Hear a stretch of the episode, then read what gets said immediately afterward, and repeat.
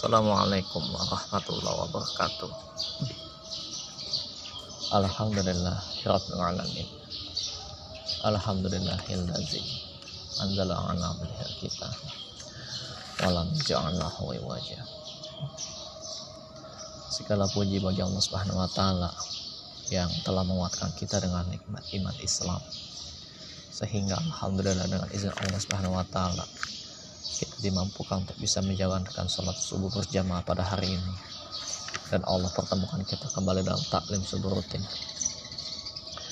Insya Allah semoga kita semua senantiasa istiqomah mengerjakan perintah Allah dan menjauhi larangannya. Dan semoga orang yang diberikan hidayah orang yang belum diberikan hidayah baik dari kalangan keluarga kita saudara kita sahabat-sahabat kita tetangga-tetangga kita atau mungkin orang-orang yang belum kita kenal Allah berikan hidayah kembali ke jalan yang diridhoi oleh Allah Subhanahu wa taala. Amin ya rabbal alamin.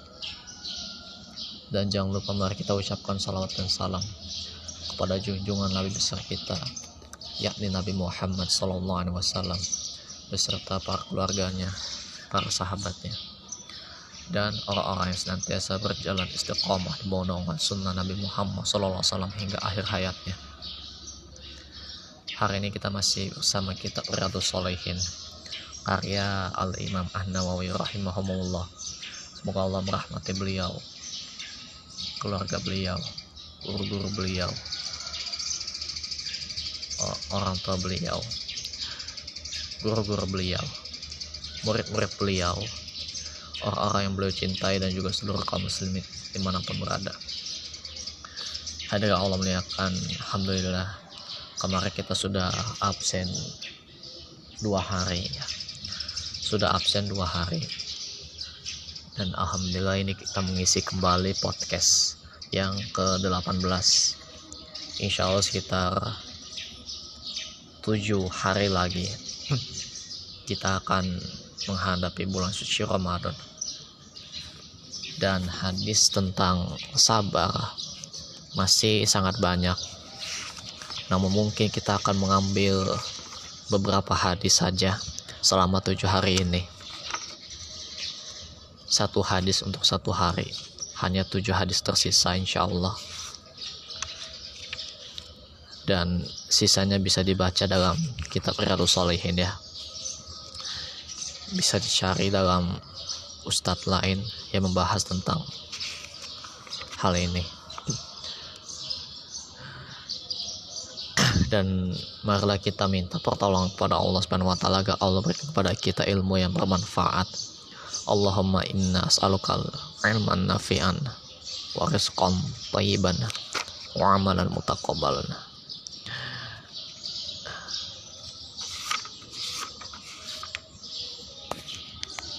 Hadirin yang Allah muliakan Kita masuk ke hadis berikutnya. Hadis yang ke Kurang lebih kalau tidak salah hadis yang kelima ya.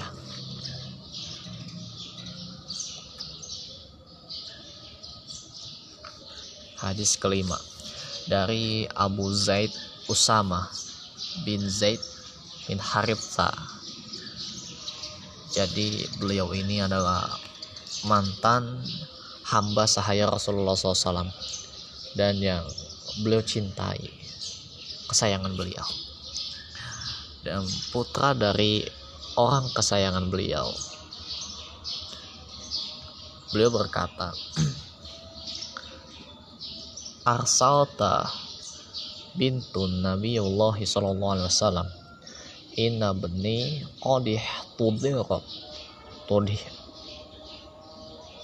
tudira fashhadna fa'arsala yuqri salama wa yaqulu inna lillahi ma'akhadz wa lahu ma'atta wa kulli syai'in indahu bijalin musamma. Fa tasbir wa tahtasib. Fa arsalta fa uh, fa'arsalat ilaihi tuqsimu alaihi liyatiyannaha. Faqama ma'ahu wa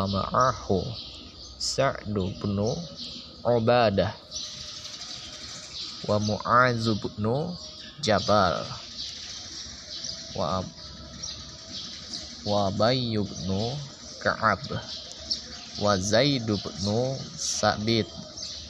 wa Zaid bin Sabit wa rijalun radhiyallahu anhu farufi'a ila Rasulullah sallallahu alaihi wasallam fabbi fa'aqadu fa'aqadahu fi hijrihi wa naf wa nafsuhu taqaqah fafadat aina faqala Sa'id Sa'id Ya Rasulullah Ma haza? Faqala Hazihi rahmatun Ja'alaha Allahu Ta'ala Fi qulubi ibadi Kurang lebih begitu hadisnya. Adapun artinya Biasanya kita fokus artinya saja ya. Nah kita akan ejak kembali hadisnya arsalat bintu Nabiullah sallallahu alaihi wasallam. Inna inna bni qadih tudira fashhadna.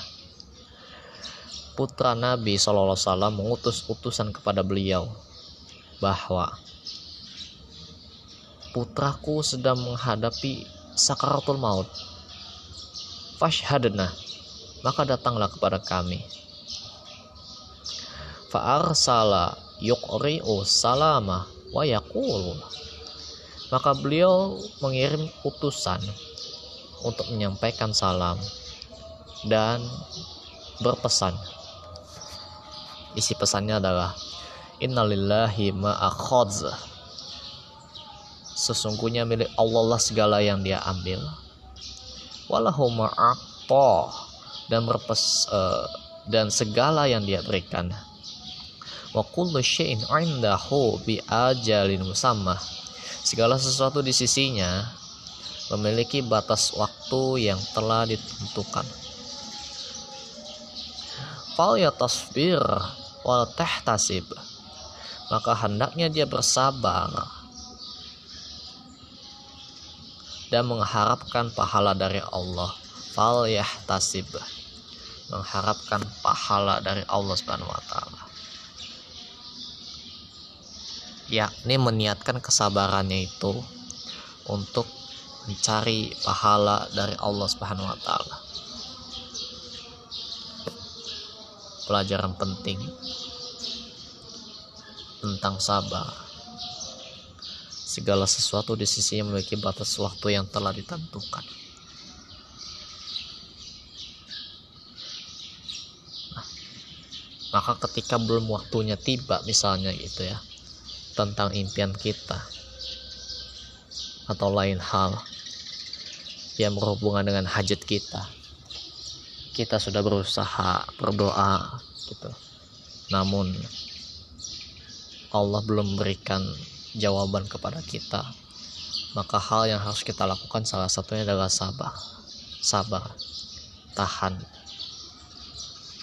Nanti Allah akan berikan ganjarannya yaitu pahala dari Allah Subhanahu wa taala. Maka niatnya kesabaran, niatnya bersabar supaya bisa dapat pahala dari Allah Subhanahu wa taala. Begitu.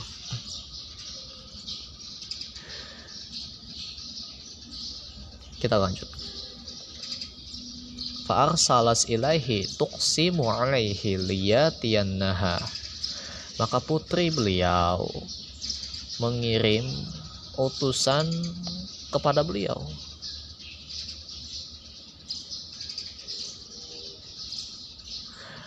bahwa dia bersumpah beliau harus datang kepadanya. Fakoma Fakoma wa ma'ahu Sa'du bnu ibadah Maka beliau berangkat disertai oleh Sa'ad bin Ubadah. Nah ini mau dijelaskan Siapa saja para sahabat yang ikut ya. Sa'ad bin Ubadah. Sa'ad bin Ubadah wa Mu'az bin Jabal. Mu'az bin Jabal. Wa Abi bin Ka'ab. Ubay bin Ka'ab. Wa Zaid bin Sabit. Zaid bin Sabit. Wa rijalun radhiyallahu anhu. Dan beberapa sahabat radhiyallahu anhu yang lainnya Farufi'a ila Rasulullah sallallahu alaihi wasallam sopi maka anak kecil itu diberikan kepada Rasulullah SAW maka beliau mendudukkannya di pangkuannya. Fa'aq'adu fi hijrihi wa nafsuhu taqaqqah sementara nafas anak itu tersendat-sendat maka kedua mata beliau meneteskan air mata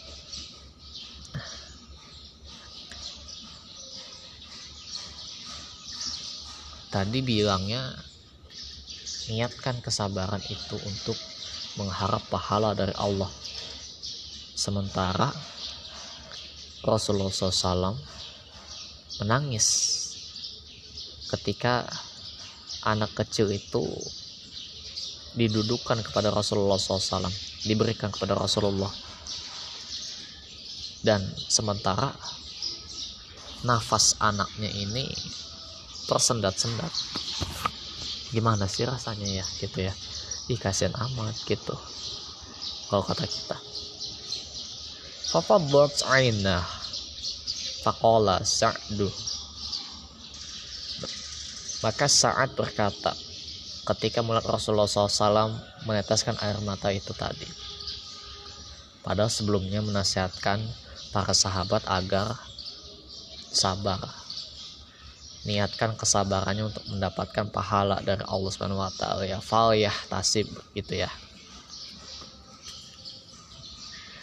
Nah, maka saat berkata faqala Sa'ad ya Rasulullah wahai Rasulullah mahaza apa ini? Di dalam keterangan Al Imam An Nawawi menjelaskan ucapan apa ini? Ini maksudnya cucuran air mata Maksudnya, apakah Anda menangis, wahai Rasulullah? Padahal Anda telah melarang menangis. Gitu ya. Kata kalau kata kita mah, loh, tadi katanya nggak boleh nangis. Kok sekarang malah nangis? Gitu ya. Kok sekarang malah nangis?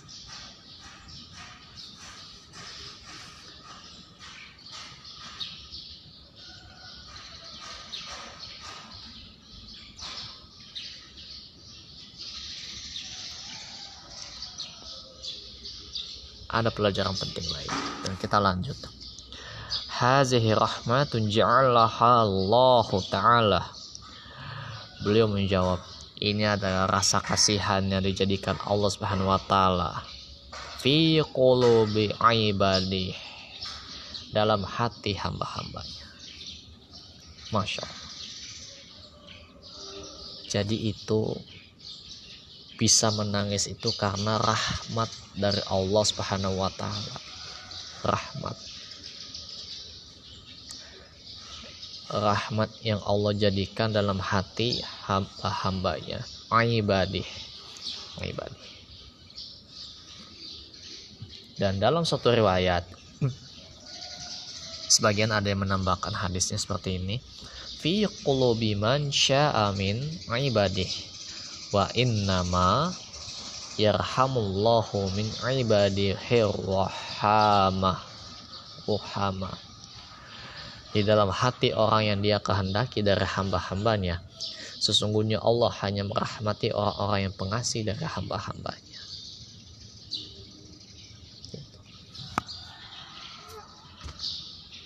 Ini tentang kasih sayang kasih sayang.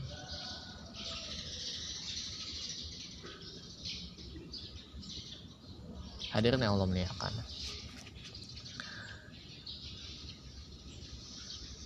Hadis ini tadi diriwayatkan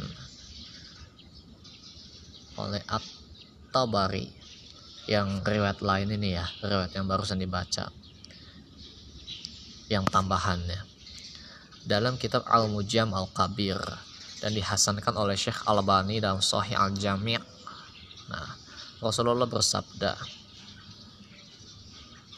tentang hadis riwayat Abu Daud dan hadis At-Tirmizi dalam kitab As-Sahihah. Rasulullah bersabda ar-raj rahimuna yarhamuhum rahman. Irhamu man fil ardi yarhamkum. Man fis sama. Para pengasih dan penyayang dikasihi dan disayang oleh Ar-Rahman. Allah yang maha pengasih lagi maha penyayang. Dan kita sering baca hadis ini. Irhamu man fil ardi yarhamkum man fil sama rahmatilah yang ada di bumi. Atau bahasa kita mas sayangilah yang ada di bumi. Niscaya kalian akan dirahmati disayangi oleh zat yang ada di langit. Kata man sabda Nabi SAW adalah isim mausul. Ini dalam ilmu nahwu sorof ya. Kata man di sini adalah isim mausul. Yang dalam kaidah um ilmu usul fikih memberikan faidah keumuman sifatnya khusus. Memberikan faedah keumuman. Menyeluruh. Oleh karenanya Nabi SAW tidak hanya memerintahkan kita untuk merahmati orang yang soleh saja. Bahkan Nabi memerintahkan kita untuk merahmati seluruh manusia. Kalimatnya tadi rahmatilah yang ada di bumi. Beliau tidak jelaskan secara spesifik hanya orang beriman saja yang harus kita kasih sayangi gitu ya. Yang harus kita sayangi. Tidak. Bahkan Nabi merintahkan kita untuk merahmati seluruh manusia. Dan bukan hanya manusia bahkan hewan-hewan pun termasuk di dalamnya. Al-Munawi rahimahumullah berkata tentang rahima fil okti atil umumi yashmalu jami'ah asnafil khola khola'iq fayurhamul barwif wal fajir wan natiqo wal mubhamu wal wahsh wal wahsyu watoir maksudnya apa bang Angga? Nggak jelas. Ya udah simak aja artinya ya. Sabda Nabi SAW yang tadi berbunyi irhamu man fil okti rahmatilah yang ada di bumi. Dengan konteks keumuman mencakup seluruh jenis makhluk apa saja. Ya namanya sudah umum. Kalau kata kita mau dipukul rata gitu ya semuanya dapat. Maka mencakup rahmat kepada orang baik orang fajir orang yang berbicara orang yang bisu hewan dan burung. Gitu. Perhatikan hadirin kita diperintahkan oleh Allah bukan hanya untuk merahmati manusia secara umumnya. Bahkan kita diperintahkan untuk merahmati hewan. Me, atau bahasa kitanya menyayangi hewan gitu ya. Seseorang berkata wahai Rasulullah aku menyembelih seekor kambing lantas aku merahmatinya. Rasulullah berkata bahkan seekor kambing jika engkau merahmatinya maka Allah akan merahmati engkau. Rasulullah mengucapkannya dua kali. Dan ini bisa ditemukan dalam hadis surat Al-Bukhari di kitab Al-Adab Al-Mufrad. Dan disahihkan oleh Syekh Al-Bani di As-Sahihah nomor 26 orang yang menyembelih seekor kambing tanpa ada rasa rahmat dengan mengasah parangnya di hadapan kambing tersebut misalnya kita misalnya mau nyembelih. Dan kita perlihatkan parangnya itu kita asah di depan matanya tuh di kambing. Atau menyembelihnya dengan parang yang enggak tajam. Sehingga bukannya langsung tertebas tapi hanya sekedar menyakiti kambing tersebut misalnya. Kan harusnya tajam ya biar langsung ketebas. Tapi ini malah biar terus-terusan merasa sakit kambingnya. Tentu tidak sama dengan seseorang yang menyembelih kambing namun dengan rasa kasih sayang kepada sang kambing. Sehingga ia berusaha menyembelih kambing tersebut dengan sebaik-baiknya.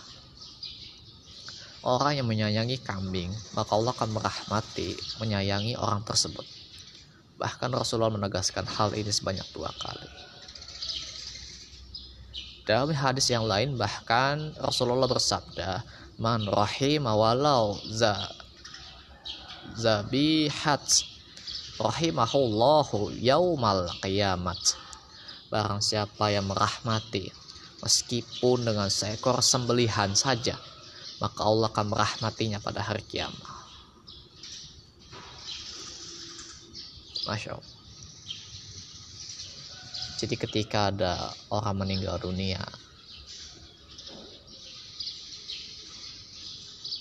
keluarga kita yang tercinta misalnya, yang kita sayangi, yang kita cintai semasa hidupnya, karena ketakwaannya, karena kesolehannya, wajar kalau ada air mata yang keluar di antara anggota keluarganya. Dan apa hubungannya dengan bab kesabaran? Hadis tadi ya. Kisah tentang putra. Salah satu putra yang membuat Rasulullah menangis. Jadi bersabar itu bukan berarti nggak pernah bisa ngeluarin air mata.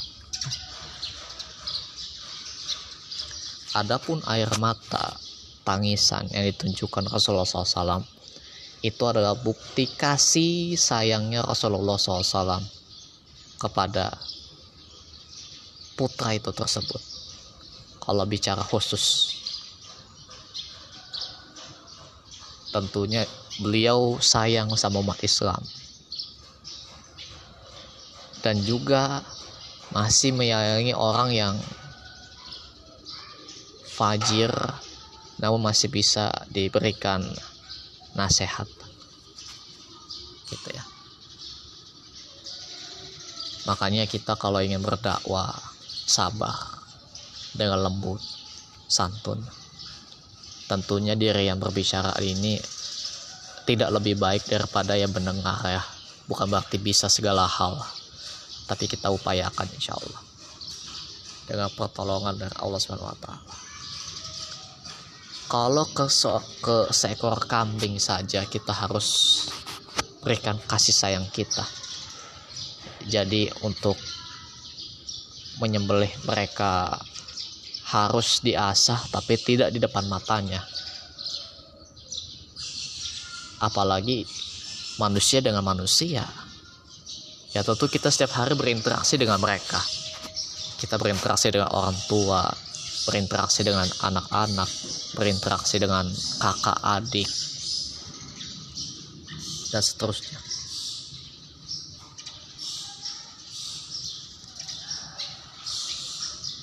Jadi poinnya adalah bersabar itu bukan berarti tidak pernah nangis, tapi niatkanlah bersabar itu untuk meraih pahala dari Allah Subhanahu wa taala. Innama yuwaffas sabiruna ajrahum bighairi hisab. Surat Az-Zumar ayat 10. Sesungguhnya hanya orang-orang yang bersabarlah yang cukupkan pahalanya tanpa batas. Sebagai penutup, ada hal yang sangat unik yang mungkin kita tidak biasa mendengarnya. Namun insya Allah kita bisa bedah ini lebih lanjut dengan ustadz-ustadz lainnya membahas masalah akhlak tentang masalah ini. Tentang judul merahmati pelaku bid'ah. Dan ini bisa pelajari ulang bersama dengan ustadz lain. Kalau ada kesalahan mohon dikoreksi. Ada hal yang menarik yang disampaikan di artikel muslim.org.id tentang kasih sayang tadi tentang rahmat. Kalau tadi bahasanya umum ya isim mausul kalimat man. Yang artinya mau berikan kasih sayang itu tidak sifatnya khusus saja tidak hanya ke orang beriman saja. Kalau kita mengacu pada hadis tadi irhamu man irhamu man irhamu man fil ordi yarhamkum min man fis sama. Sayangilah yang ada di bumi niscaya kalian akan disayangi di langit. Disayangi oleh yang ada di langit. Gitu ya. Jadi ini umum tidak khusus. Tidak dibeda-bedakan. Gitu. Pokoknya sesama makhluk hidup harus kita sayangi yang ada di bumi perintah Allah untuk menebarkan kasih sayang berlaku umum bahkan mencakup seorang pelaku maksiat sekalipun. Sebagaimana perkataan Al-Munawi tadi. Bukankah kita kasihan tak kala melihat seseorang yang terjerumus dalam kemaksiatan? Ketika ada orang yang berzina, kita mungkin kasihan barangkali dia nggak kuat nahan godaan perempuan gitu ya Mungkin karena dia setiap hari berinteraksi sama orang yang kebanyakan perempuan di sana. Tadinya nggak gitu. Terus dia lama-lama dibiasain di situ. Lama-lama lemah juga di akhirnya lingkungannya. Jadi dia sudah terbiasa melihat perempuan gitu. Sehingga dia selalu kepikiran zina. Kita kasihan.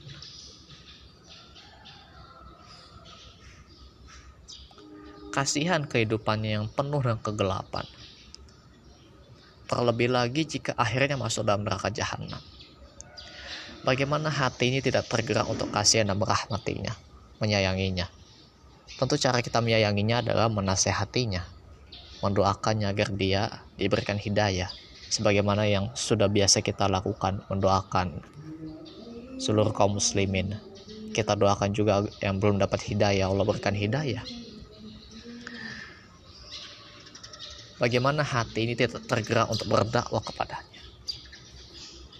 Artinya dakwah itu harus dengan kasih sayang. Kalau kita tidak berdakwah, hati-hati. Jangan-jangan kita tidak punya rasa kasih sayang. Tentunya dengan kaidah yang benar ya dalam berdakwah itu. Tidak serampangan. Dengan lemah lembut, dengan hikmah. Ada waktunya gitu bukankah sebagian kita dahulu juga seperti itu ya masa muda kita kebanyakan foya-foya menghabiskan uang pergi ke tempat liburan lupa sholat misalnya apalagi masa-masa muda gitu ya kalau kata kita mah banyak-banyak main lah kalau masih muda mah gitu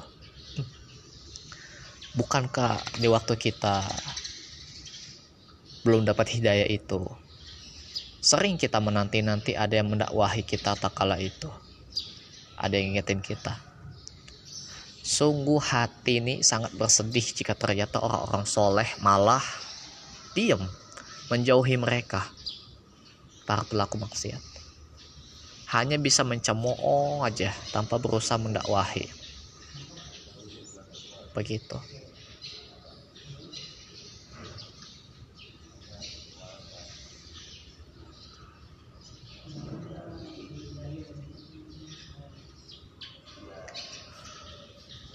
dan itu orang yang fajir orang pelaku maksiat gitu ya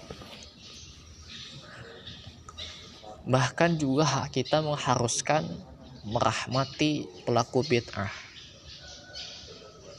Pelaku kemaksiatan adalah pelaku bid'ah. Bahkan bid'ah ini lebih dicintai syaitan daripada maksiat secara umumnya. Kebanyakan para pelaku bid'ah di zaman kita misalnya terutama ya di tanah air kita kita nggak usah jauh-jauh. Tanda kutip adalah orang-orang yang nggak ngerti orang yang bodoh dan tidak paham dengan sunnah dan al-haq. Bahkan banyak di antara mereka yang sama sekali tidak mengenal dakwah sunnah. Mereka mewarisi bid'ah yang mereka lakukan secara turun-temurun.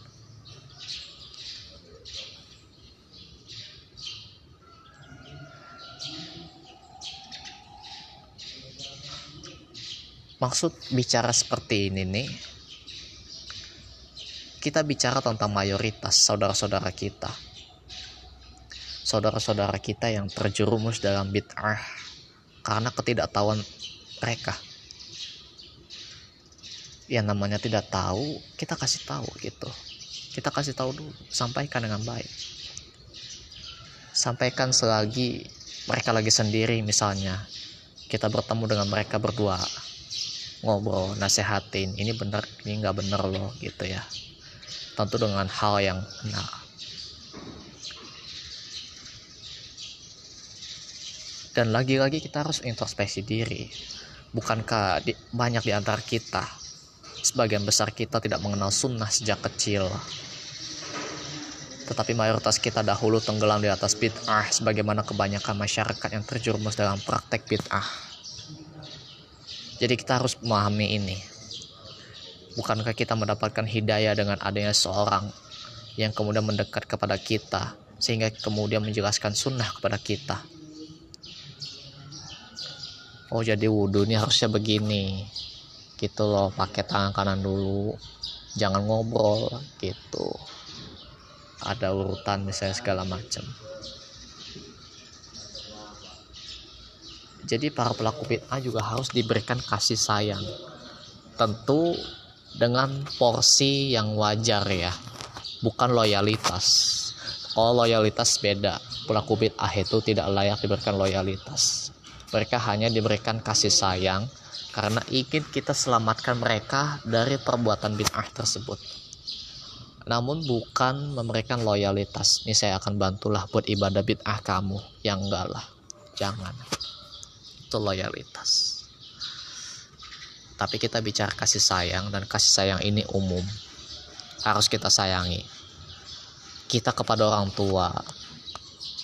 Sekalipun orang tua kita maaf tanda kutip gak suka sholat subuh.